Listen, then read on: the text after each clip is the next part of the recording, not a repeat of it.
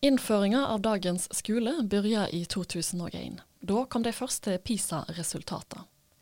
De viste at Norge ikke var best, men skårer middels blant OECD-land. Og løsninga ble en ny skolepolitikk. En skulle disiplinere ungene til å lære mer. I denne episoden av Dag og Tid-podkasten er Simon Malkenes gjest. I fjor kom han ut med boka 'Salamandertesten'. Der skriver han om norsk skolepolitikk i lys av Bjørneboes 'Jonas' fra 1955. Salamandertesten tar utgangspunkt i et foredrag på Nasjonalbiblioteket i høve 100-årsjubileet for fødselen til Jens Bjørneboe. Nøkkelord er læringstrykk, human kapital, tidlig innsats og disiplindugnad. Malkenes har òg blitt intervjua av Jan H. Landro i Dag og Tid 4.2. Du finner ei lenke til artikkelen i beskrivinga til denne episoden. Velkommen, Simon Malkenes. Takk for det. Du er lektor og litteraturviter og har jobba mange år som lærer. Eh, og i Salamander-testen så er du kritisk til norsk skolepolitikk. For du mener at det er et for høyt læringstrykk på barna. De blir rett og slett syke av det. Og jeg vil gjerne aller først eh, at vi skal ta en tur inn i klasserommet.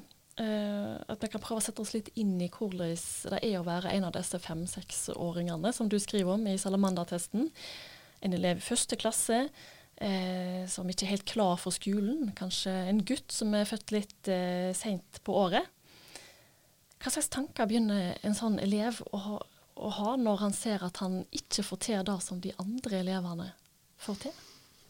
Ja, altså, det er vanskelig å sette seg inn i hodene til de her små Eh, trollene. Men eh, det går an å tenke, altså, tenke at eh, den boka jeg har skrevet, handler jo om Bjørneboe og Jonas òg. Og Jonas der som begynner på skolen, han begynner jo et år seinere enn de gjør i, nå for tida. Men han kommer jo likevel til skolen og eh, ikke får til det som de andre får til. Og det som han gjør, er jo at han eh, eh, i leselekser han skal lære seg, så lærer jo han alt utenat hjemme. Eh, og han tror at han har lært å lese, fordi han lærer seg eh, en annen strategi for å, å, lese høyt enn de andre ungene som leser rett fra teksten. For han memorerer jo alt og sitter hjemme og øver. Så eh, det som skjer med Jonas, er jo at læreren eh, gjennomskuer hans strategi. Og, og, og, da blir han jo da går han jo fra å være en som er lik de andre, som får til som sånn, til å være den som ikke får til det som alle de andre klarer i klasserommet. Mm. Og det er jo veldig dramatisk for, eh, for, den lille gutten, for han forstår jo ikke hva han har gjort feil. Og han forstår ikke at han ikke klarer det som de andre klarer, for han tror jo alle gjør sånn som han.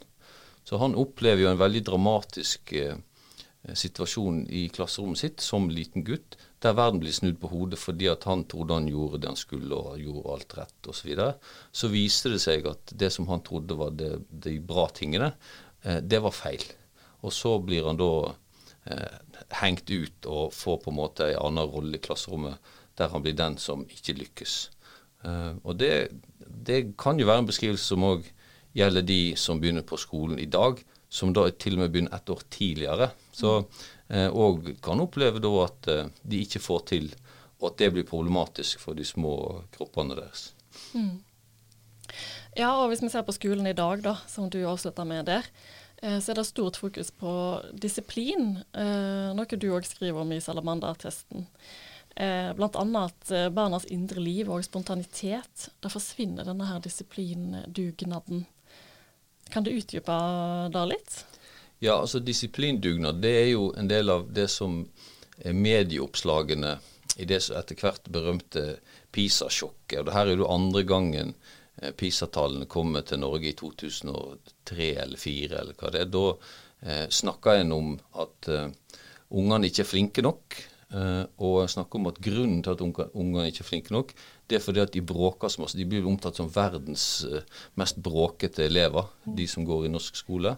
Eh, så løsninga for å få de til å lære det som de voksne mener de skal lære, det er jo da å, å fjerne bråket ved å disiplinere dem. Altså de må lære seg Det er vel en liste som jeg fant i VG-oppslag fra 2004 der minister Clemet og en del skoleforskere legger fram løsningene. og Da skal de lære seg, de skal reise seg når det kommer en voksen inn i klasserommet, de skal stå ved pulten. Eh, de skal sitte igjen og ha parade osv. hvis de gjør feil. Altså En del sånn eh, tilbakevending til kanskje den tida Jonas gikk på skolen. Altså en, en, mm. Fra en annen tid hvor, hvor, det å være eh, lydig er en veldig viktig del av det å gå på skolen.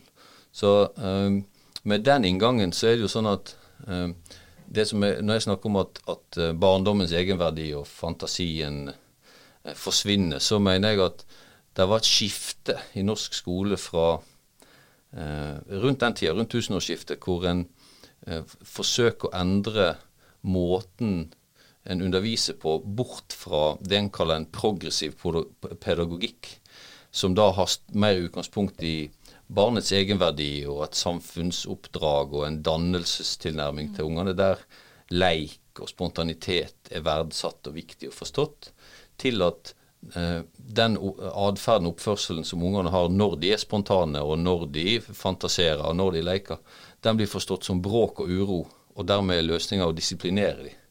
Og, og, det der er jo òg sånn at eh, det er flere som forsker, andre som understøtter det at eh, måten en underviser på i norsk skole etter tusenårsskiftet, er mer instrumentell. Altså har mer av de delene som da sier at ungene skal sitte i ro og ta imot.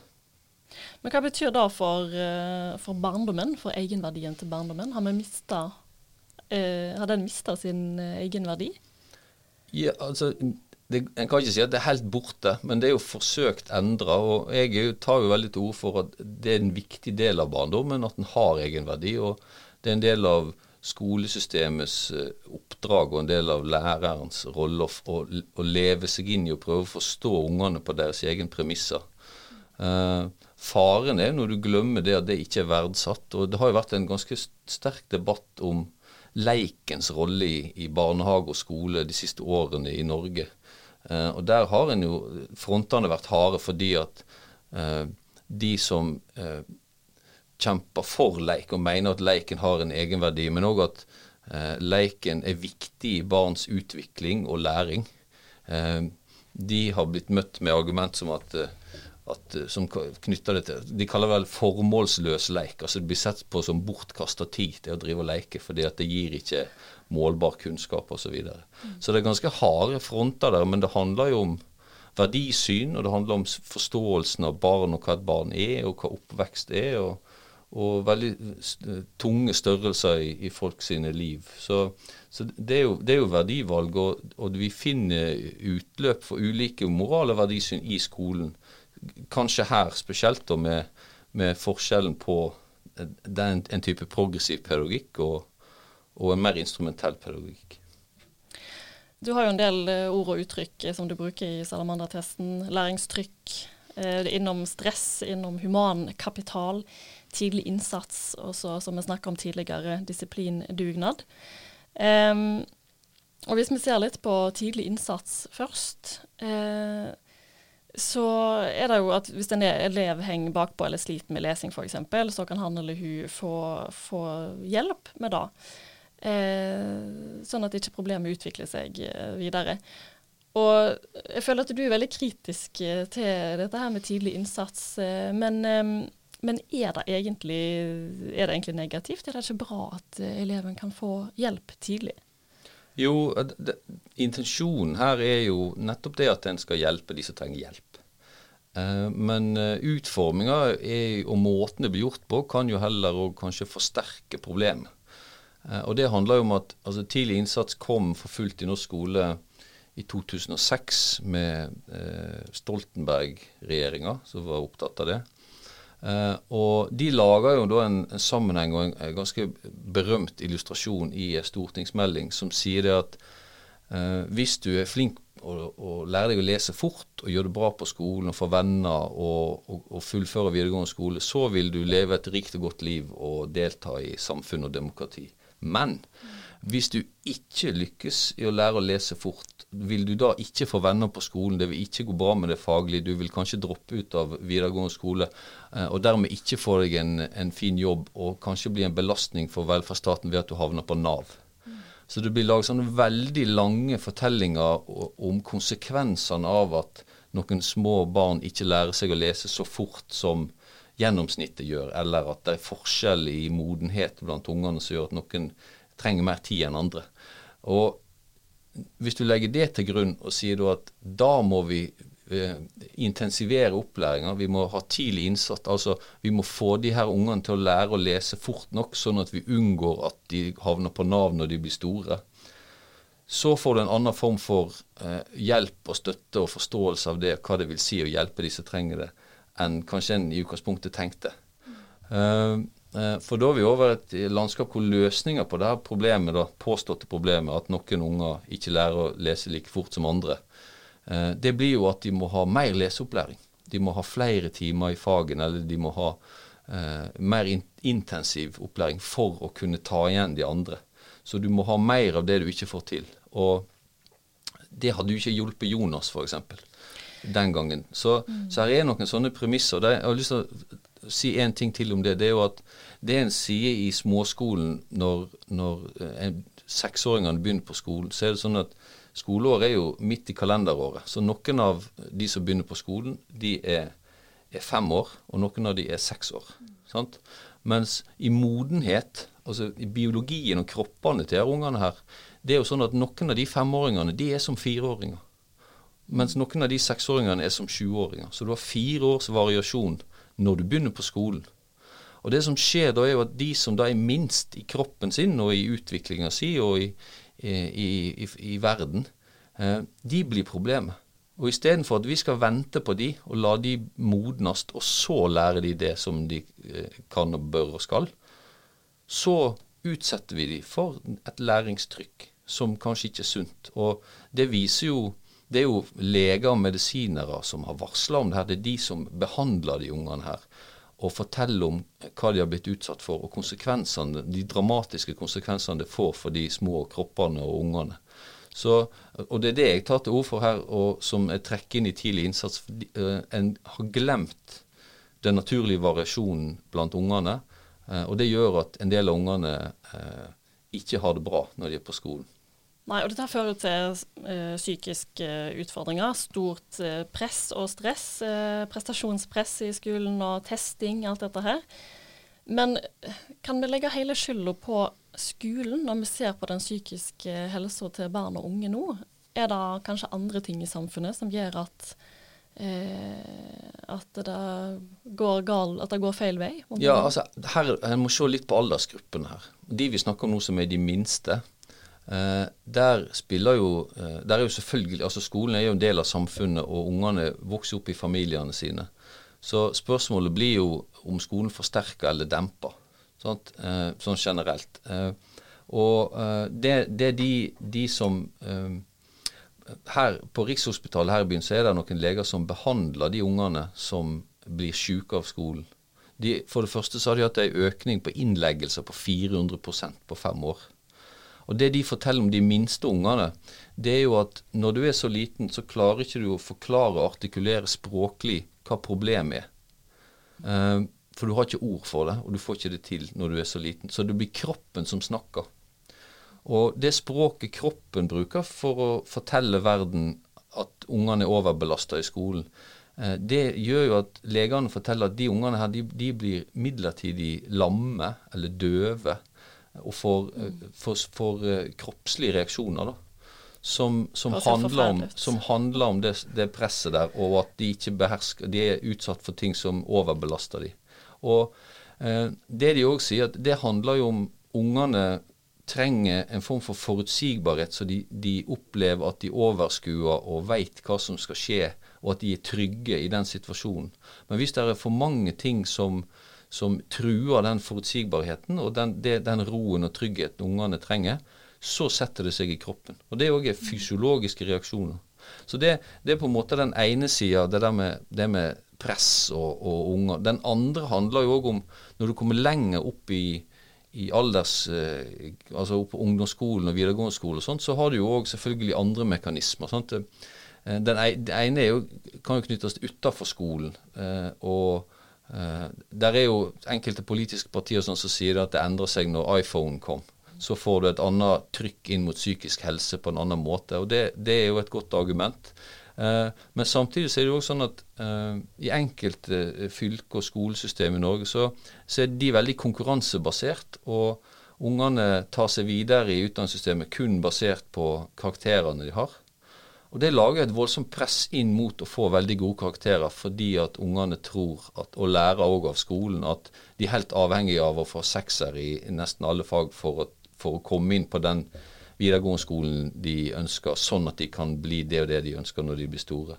Så det er òg forsterkere i systemet når, du, når, når en kommer lenger opp i, i utdanningssystemet. Men det er, jo, det er jo vondt å lære ting, akkurat som at det er vondt å trene. Uh, skal du ha en helt smertefri uh, skole? Nei, og når du trener, så bryter du jo ned muskelen for at den skal vokse seg tilbake sterkere.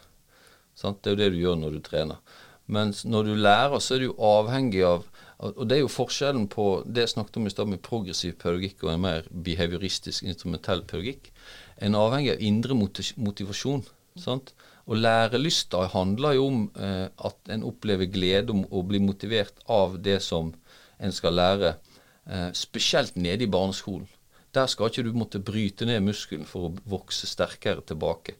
Der skal det være eh, mer, som jeg snakker om i barnets egenverdi, da, mer da naturtilstanden til barna, altså spontaniteten, fantasien, som ligger til grunn for det som en skal måtte lære. Så kan det en si at seinere i skoleløpet så har du òg eh, blitt så gammel at du utvikler den form for sjøldisiplin som gjør at du skjønner at eh, nå må jeg eh, lese og jobbe godt på skolen, sånn at jeg eh, får lykkes med å forstå pensum og får, eh, kan få en god karakter. Så det kom jo seinere i skoleløpet. Men jeg har ingen tro på at det skal gjøre vondt. Det, det, det, det er aldri meninga. Og, og, der har vi hatt en stor leksedebatt sant, som handler om ok, hvis, du, hvis skolen og, og, elevene bare drukner i lekser, så vil de lære mer. Eh, Ungdommen skal jo være rik og mangfoldig, og det er ikke meningen du skal sitte inne og gjøre lekser og ha det vondt for at det skal gå det bra i livet. Det har jeg ikke tro på i det hele tatt. Nei. Var bare litt tilbake til det du sa med psykisk eh, Altså at skolen fører til stress og, og, og eh, ja. Men mitt inntrykk er jo heller at skolen er veldig opptatt av å gi opplæring til, til barn. Eh, hvordan de skal mestre eh, psykologiske utfordringer gjennom ulike verktøy. Som psykologisk førstehjelp. Ja, ja, jeg vet ikke om psykologisk førstehjelp er det som en har fått inn i skolen. Det er veldig mange ting som alltid skal inn i skolen, men det en har, har fått Nå har vi jo hatt en, en fornyelse av læreplanene, og da har en kommet til et fag, eller en del av det som heter livsmestring. Mm. Eh, som er da det som skal bøte på alle de tingene i skolesystemet som lager stress. Så, og det som en tenker seg da, det er jo at de insentivene en har i skolesystemet, altså konkurransen og, og prestasjonsfokuseringa, eh, de vil ikke en gjøre noe med. De mener en er, er bra og OK, i, eh, men en må lære ungene å håndtere prestasjonspresset og konkurransen. Det er måten å løse det på. En annen måte å løse det på er jo å tenke seg at skolen i mindre grad skal speile den harde virkeligheten. At det skal være en form for prøvevirkelighet der en òg kan skjerme ungene for eh, livets harde konkurranse og det presset som fins i verden på å klare seg. Og at, og at skolen skal forsøke å, å, å, at, å gi ungene opplevelser der de ikke er så stor grad utsatt for, for eh, karakterpress, testresultat, prestasjonsorientering og det å bli sammenligna med eh, medelever og med andre klasser og med andre skoler og rangert, eh, og som gjør da at de som de ungene som hele tida ikke får det til, for det er jo alltid noen det er noen som får det til, og så er det noen som ikke får det til, eller som ikke lykkes. De opplever jo til slutt at eh, det er ikke, de, de, de, forstår ikke det som at de ikke er flinke faglig, men de lærer i skolen at de er mindre verdt enn de andre mm. elevene. Så det, eh, og det har en valgt å ikke gjøre noe med. Men Istedenfor så setter en et, et lite Donald-plaster på det store beinbruddet og sier at vi skal heller ha en time med livsmestring på slutten, den siste mm. time fredag. Så hvis jeg forsto det riktig, så fører testing til at de som gjør det dårlig, føler at de er mindre verdt? Ja, jeg må forstå det begrepet testing, for det, jo, det handler jo om hvordan utdanningssystemet er bygd opp eh, gjennom å være prestasjonsorientert. Og det lager, Jeg har jo brukt begrepet læringstrykk her, men det er det som lager eh, presset inn i skolesystemet på å prestere. Mm. Ikke bare hos ungene, men òg hos de voksne. Hos, lærerne som blir målt på resultat. Eh, hos rektorene som blir målt på resultat. Hos kommunene som blir målt på resultat. De, de, det, der lages det et trykk ned mot ungene som, som er et læringstrykk. Eh, og, og, og, det kan òg være problematisk fordi at for noen unger så eh, Det uttrykket, det, det, det testpresset har i skolen, er jo resultatene. Og da er det alltid noen som havner nederst. Og de lærer da nettopp det at til slutt at de er mindre verdt. Har dette her, eller denne måten her å organisere en skole på og jobbe med en skole på, har det noe sammenheng med det du kaller for human kapital, altså ideen om at elevene er slags, altså en økonomisk trygghet for staten i framtida? Ja, altså det er jo en importert idé som kom eh, rundt tusenårsskiftet sammen med det her PISA-sjokket. da. Og det er jo og det står jo i de her NOU-ene og de liksom, styringsdokumentene som, som, lager Kunnskapsløftet, det beskriver jo barna som humankapital, vår viktigste ressurs. Eh, og det er jo Humankapitalen er jo da et forsøk på å verdisette eh, ungdommene sin markedsverdi på arbeidsmarkedet når de blir voksne. Det er det som er humankapitalen. sier det at eh, den utdanninga eh, du får når du er liten og, og, når du går gjennom utdanningssystemet, den kan realiseres i jobb når du blir stor. Så dess bedre utdanning du har, dess bedre jobb får du. Og Det gjør jo hele utdanningssystemet til, til en økonomisk størrelse. Sant? Og, det, og, og det er jo dratt videre til at det er jo sånn en sammenligner eh, land og nasjoner. Da. Så Det en regna ut på 90-tallet i Norge, var jo at eh, humankapitalen det var, det var ja, jeg husker ikke om det var to tredjedeler eller tre fjerdedeler nasjonalformuer. Det var utdanningssystemet ansvarlig for. Og Det legger jo et voldsomt trøkk inn i utdanningssystemet, da, fordi at det blir så viktig, en forstår det som så viktig for den nasjonale konkurranseevna. Så det er masse greier som øh, Og der, Den humankapitalteorien den, den blir, det er jo en importert idé. Den kom jo fra USA. Og den kom sammen med en, en, en, en spesiell form for utdanningspolitikk som eh, blåser over verden og har etablerte seg rundt den tida i mange land, ikke bare Norge. Jeg vil snakke litt om her, om, om salamanderen, som, ja. du, eh, som jo har gitt navnet til boka di. Mm. Eh, for du drøfter jo tilstanden i dagens skole i lys av Jens Bjørneboes Jonas. Um, og der er jo metaforen salamanderen noe vondt. Mm. Noe som ikke er et menneske, men som er mye sterkere enn et menneske. Hva, hva, hva, er egentlig denne her salamanderen? Når kan vi finne den i, i, norsk skole i dag? Vi må jo begynne med å, å, å forklare litt. Dette er jo, en, det er jo kanskje den mest kjente metaforen fra Jonas av Bjørneboe. Eh, og den har jo levd videre i norsk offentlighet veldig lenge. Den, det, det, Bjørneboe henter det fra eh, Salamanderkrigen, som er en allegoriroman av en tsjekker som heter Karel Kapek, som beskriver fascismen og, og, og sovjet-totalitærsamfunnet sin framvekst i mellomkrigstida i Europa. Og eh, Bjørneboe bruker jo den metaforen for å gi en sånn karikert framstilling av de som er de onde i eh, Jonas sitt fiksjonsunivers. Sant? I motsetning til de gode kreftene. De gode kreftene er de som har de støttende egenskapene eh, overfor Jonas, som er empatiske og forstår han og hjelper han langs hans vei. Mens de, de onde i, det universet, de da har mangla de gode egenskapene som Bjørnboe er opptatt av å fortelle om. og eh, en, eh, der er vel en, en, en, lektor eller en lærerfigur i, på Jonas' skole som liksom er, er, har blitt til Sandmanderen, han som heter Strange. Som, eh, som da er framstilt som at han er han er uten empati og uten fantasi. Og det gjør han til en salamander.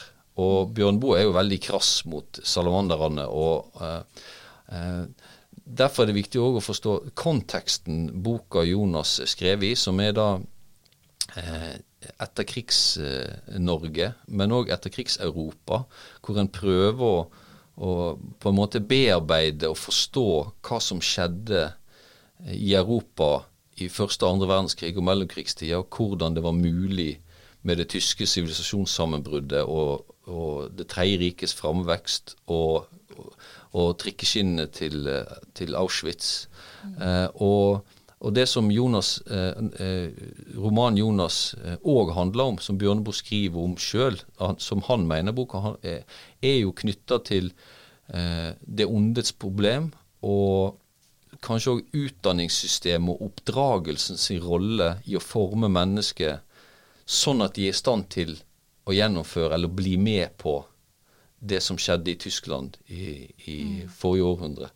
Og, og, så salamandermetaforen for Bjørneboe er jo da den type menneske som Han er veldig krass og sier det at eh, Det er selvfølgelig en karikert framstilling, men eh, han sier at de ikke er mennesker fordi at de mangler empati, og de mangler fantasi, og de, de er autoritære og, og, og, slemme med barn. Men det er jo en måte eh, å bearbeide og forstå eh, og oppdragelsen og, og utdanningssystemets rolle og Der salamanderen da er den metaforen som illustrerer de kreftene som Bjørneboe mener en ikke bør ha i skolen. Ja, og, sånn, eh, og du ser paralleller til salamanderen i Bjørneboes Jonas? Eh, Nei, altså nå, nå, er, nå, er, det jo ikke sånn at uh, den metaforen uh, kan, som ble brukt for å beskrive uh, og forstå andre verdenskrig, kan brukes på samme måte i dag. Men metaforer de, de, eh, de, har jo òg en sånn tidskjerne at de fylles med nytt innhold. Så salamandermetaforen i dag, eh, når den er brukt i skoledebatt, og du ser den av og til dukke opp i et avisinnlegg og sånn, eh, har på en måte ikke det samme meningsinnholdet som den hadde når Bjørneboe brukte den. Nå den, handler den mer om å beskrive et, et, instrumentelt menneske, og de som har da et syn på i, i skolen f.eks. på barndom og på oppvekst og skolesystem som at det skal være autoritært, og, og at uh, lojalitet og lydighet er viktig, og, og, at barn helst bør sitte i ro og gjøre som de voksne sier. Så, så innholdet i metaforen har endra seg eh, gjennom tida, og, og, det er jo eh, kanskje et bevis på Bjørneboe sin skrivekunst at en sånn metafor lever videre. Nå er det vel snart 70 år siden boka kom ut. Mm. Eh, sånn Avslutningsvis så vil jeg gå tilbake til altså Vi begynte jo i klasserommet. og Nå vil jeg tilbake til, om ikke klasserommet, så i alle fall eh, skolen. Eh, for du har jo masse kritisk å komme med når det gjelder den nåværende skolen. Men hva slags type skole er det du ønsker deg? Er det en skole uten nivåforskjell mellom elevene, eller? Ja, det vil du aldri få fordi at alle barn er forskjellige. Mm. Så det eh, det er jo ikke et mål i seg sjøl. Men det som, er, det som, er, viktig for meg, det er jo at eh, den vinden som en gang blåste inn fra, fra en kant, som, som uh, endra norsk skole for, for, 20 år siden, den er jo nå veldig i stor grad i ferd med å snu. Så nå blåser det på en måte fra andre sida. Og en, eh, er, en, har nå politisk i Norge er i ferd med å, å endre og ønske å endre eh, viktige deler av norsk skole, sånn at en i større grad tar hensyn til barnets egenverdi og verdsetter leiken i skolen og, og skjermer ungene fra prestasjonspress eh, på en sånn måte at de ikke føler de må ha det vondt for å lære. Mm. Men er fins det en drømmeskole der ute? En plass allerede? Nei, det, det tror jeg ikke. Og jeg, det er litt sånn som at Eh, skolen er jo en stor og veldig kompleks eh, organisme og, som lever òg sitt eget liv. Så, så, eh, en sånn idealskole tror jeg en skal vokte seg veldig for. Men jeg tror at det er litt sånn som Bjørneboe sier, det at det skolen trenger, det er veldig snille og gode lærere som forstår unger. og som han skrev sjøl den gangen at det er det som er lærerens jobb, det er å være glad i alle barn. Og jeg tror at hvis en har lærere min, min, drømmeskole har bare lærere som er glad i alle barn uansett. Mm. Fin avslutning. Tusen takk, Simon Malkenes, for at du var gjest denne veka. Takk for at jeg fikk komme.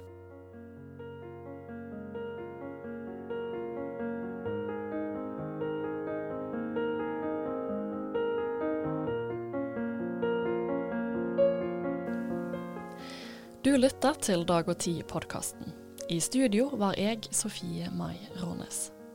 Send gjerne en e-post til sofie.krøllalfa.dagogtid.no hvis du har tilbakemeldinger på podkasten vår. Vi er tilbake neste uke. Takk for at du lytta.